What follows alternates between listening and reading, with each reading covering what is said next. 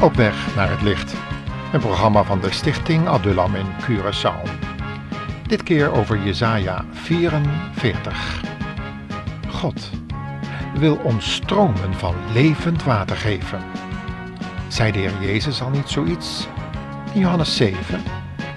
Als de Heilige Geest zou komen, zou Hij in ons stromen van levend water geven.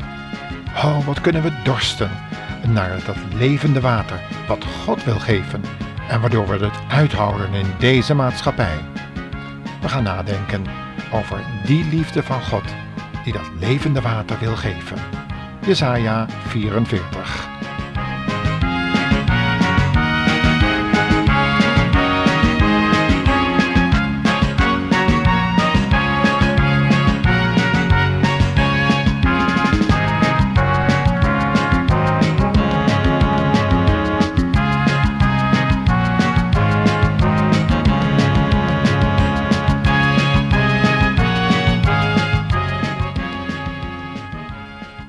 Heeft u wel eens Pinksteren meegemaakt, beste luisteraar?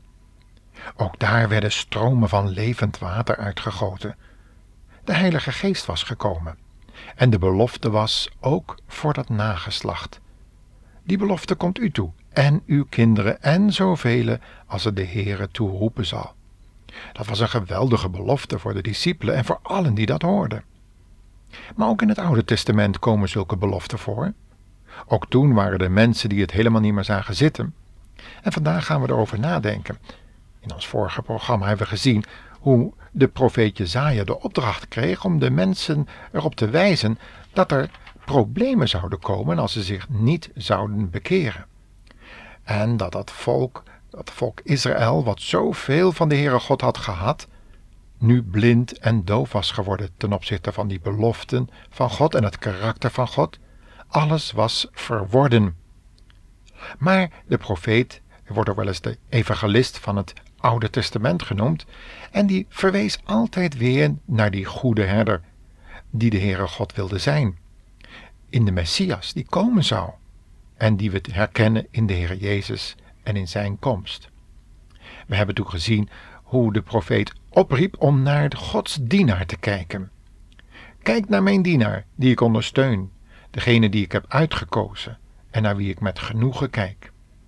Dat klonk ook op de berg van de verheerlijking, waarin er een stem uit de hemel klonk voor de verschrikte en verbaasde discipelen. Deze is mijn zoon, mijn geliefde, hoort hem. En van schrik waren ze ter aarde gevallen en hadden geroepen: O, wat is dat groot wat we nu zien! Want ze hadden ook Mozes en Elia gezien. En in die, voor die drie mensen die ze daar zagen in heerlijkheid, in schitterende kleding, blinkend, zoals een voller, zoals er staat, niet wassen kon, niet schoonmaken kon, zo mooi wit, zo kan alleen God het doen. Misschien voelt u zich vuil. Misschien, misschien voelt u zich zondig. Zit u in de diepste problemen. En voelt u zich aangesproken als we het over blind en doof hebben. Misschien heeft u een Bijbel en leest u erin, maar het is net alsof u blind en doof bent. Het dringt allemaal niet tot u door. Kijk dan naar de Heer Jezus, ga naar Hem toe en zeg tegen Hem: Hier ben ik. Heer Jezus, ik begrijp het niet. Wat is er met mij aan de hand? Ik voel me zo blind, zo doof, zo leeg. Ik voel me ongelukkig. En dan zegt in Jesaja 44 de profeet dit: Luister naar mij Luister naar mij, want de Heere die u gemaakt heeft en die u van eeuwigheid kent, zal helpen. Hij zegt: Wees niet bang. Je bent mijn uitverkorene. Wees niet bang, want ik zal u meer dan voldoende water geven voor uw dorstig land en uw uitgedroogde grond. Ik zal mijn geest en mijn zegeningen over uw kinderen uitgieten. En ze zullen opgroeien als mals sappig gras en als wilgen langs de rivier. Ze zullen zeggen: Ik ben het eigendom van de Heere. Ik ben een Jood. Een Jood betekent Godlover. Anderen zullen eigenhandig schrijven: Ik ben van de Heere. Beste luisteraar, deze woorden die doen u vast wat. Vooral als je aan het bidden bent voor een ongehoorzaam kind, wat een hele andere weg gaat dan u zou willen. Wat is het geweldig als er ook van zo'n kind gezegd kan worden dat hij eigenhandig zal schrijven. Misschien zit hij wel in Nederland of ver weg, in een Amerika of waar dan ook in de wereld voor zijn studie. En dat u een brief schrijft, eigenhandig, en u ineens zegt: Ik heb de Heer Jezus ontmoet. Ik ben nu van Hem. Hij heeft me gekocht en betaald. Ik ben nu een Godlover geworden. Wat een opluchting zal dat zijn. Niet zo lang geleden had ik een gesprek met een gevangene. Ach, hij zat daar voor een enorm zwaar delict. Hij had dan ook heel wat jaretjes gekregen om te zitten.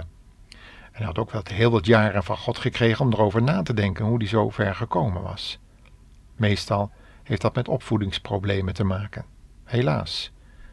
Dat kunt u in andere programma's beluisteren, bijvoorbeeld Gezin naar Gods Plan, waar we dit opvoedingsproblemen behandelen en wat de gevolgen daarvan zijn. Maar deze man had door zijn detentie de Heer Jezus leren kennen. En was op de counselinglessen gekomen, de Bijbel was geopend en God door zijn Heilige Geest had hem overtuigd van zonde, gerechtigheid en oordeel. Nee, nu niet meer schuilen achter opvoedingsproblematiek en fouten. Nu was het: hoe, wat moet ik doen om gered te worden van de eeuwige ondergang? Want daarvan was hij overtuigd. En zo vond hij de Heer Jezus, de koning van Israël. En hij kon eigenhandig aan zijn moeder in Nederland schrijven, die ook inmiddels een kind van God was geworden. Ik ben van de Heere. En hij kon zeggen dat hij een Godlover was geworden en dat God zijn zonden had vergeven door het bloed van Jezus Christus. En nu gelden die, al die beloften ook voor hem. God heeft hem geholpen uit allerlei problemen. Het is nu een blij man, u zou hem moeten leren kennen. Het duurt niet zo lang of hij komt vrij, zo de Heer wil. En dan hopen we dat hij spoedig een goede baan in de maatschappij zal krijgen. Dat ze zullen vergeten, dat hij ook kan vergeten wat achter hem is en dat hij zich kan strekken naar wat voor hem is. Ook hij had beelden gediend, broa gedaan, voodoo, winti, al die dingen om maar in zijn onderhoud te kunnen voorzien, om een beetje geluk, loterijen, alle loten gekocht en in de hoop dat het miljoentje hem in de schoot geworpen zou worden. Daarvoor in de plaats kreeg hij water en brood, zoals we dat zeggen. Oh, wat is dat allemaal tegengevallen. Wat staat er in Jesaja 44? Dan zien we dat er een smid is, die bij een vuur een bijl zit te maken. En met volle kracht slaat hij op dat metaal. Hij krijgt honger en dorst en hij wordt aanmächtig en zwak. Ja, dat gebeurt er als je met volle kracht in eigen kracht op een metaal slaat of in eigen kracht je leven beheerst. Dan loopt het fout. Maar wat is er hier? Ook Simson had dorst.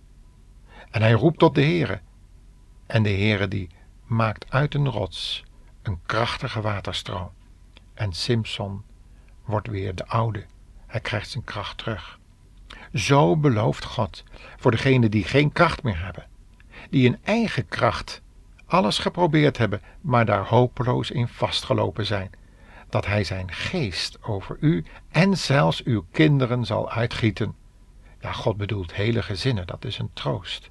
Wat geweldig dat Hij zo'n goede herder is en ook voor u dat wil doen, wat Hij voor Jezaja, voor Israël en voor iedereen die buigt voor de Heer Jezus en in gehoorzaamheid zijn weg wil gaan, niet in eigen kracht.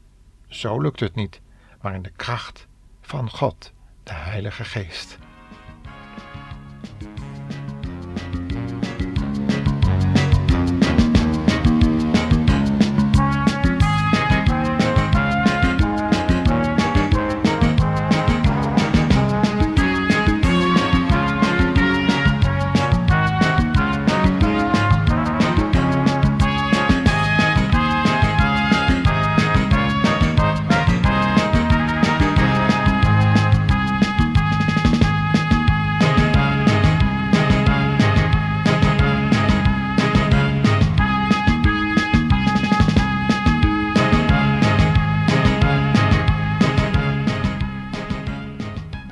Ja, als je dan de Heer Jezus hebt aangenomen, dan zie je met eigenlijk een beetje gruwel in je hart terug aan al die vormen van broer en afgoderij uit het verleden. Al die onzedelijkheid, dat vooruitgrijpen op het huwelijk, waardoor je in de problemen bent gekomen. En dan ga je dat beleiden, wegdoen. We lezen dat in Jesaja 44, vers 7 en ook in vers 9. Laten we eens een paar teksten uitlezen. Daar staat: Is er een God buiten mij?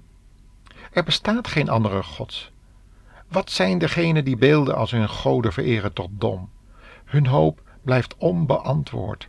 Ze zijn er zelf getuigen van dat dit zo is, want hun beelden zien en horen niets.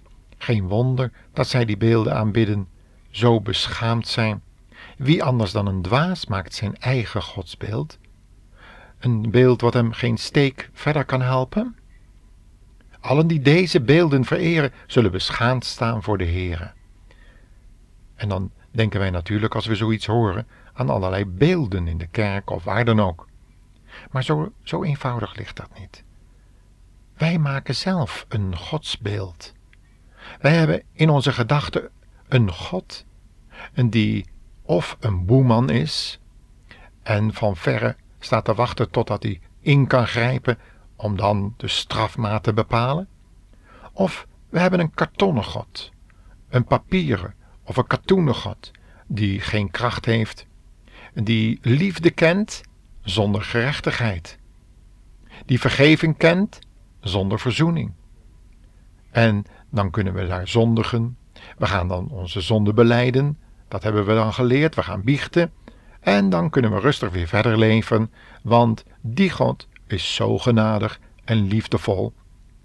Maar dat is niet de God van de Bijbel. De God van de Bijbel is en rechtvaardig, en heilig, en liefdevol, en vol van vergeving en barmhartigheid. Hij is alles in allen, maar wel op de manier zoals de Heer Jezus deze God heeft geopenbaard. Want Jezus is God geopenbaard in het vlees. O, toen hij kwam op aarde, is hij niet gekomen om te oordelen, maar om te behouden.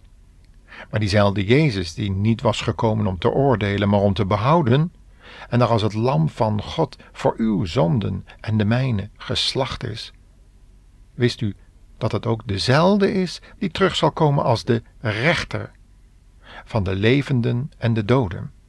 En dan zal recht spreken in rechtvaardigheid, niet zoals we dat tegenwoordig kennen, want dat is allemaal maar beperkt, heel betrekkelijk.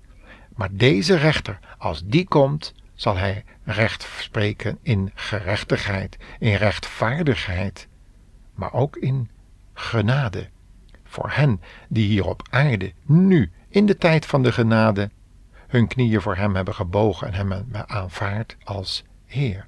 Johannes 1, vers 12 zegt het. Zoveel hem hebben aangenomen, die heeft hij macht gegeven kinderen Gods te worden. En in 1 Johannes 1, vers 9 staat: Als je je zonde hebt beleden, God is getrouw en rechtvaardig, dat hij die zonde vergeven en reinigen van alle ongerechtigheid. Maar zo'n zondebeleidenis gaat gepaard met ook een uiterlijke bekering. Dan gaan we de afgoden wegdoen uit ons leven.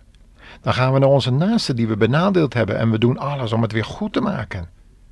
Dan gaan we betalen. In het Oude Testament, als je iets gestolen had, moest je 20% boven het gestolene teruggeven. Dat is recht.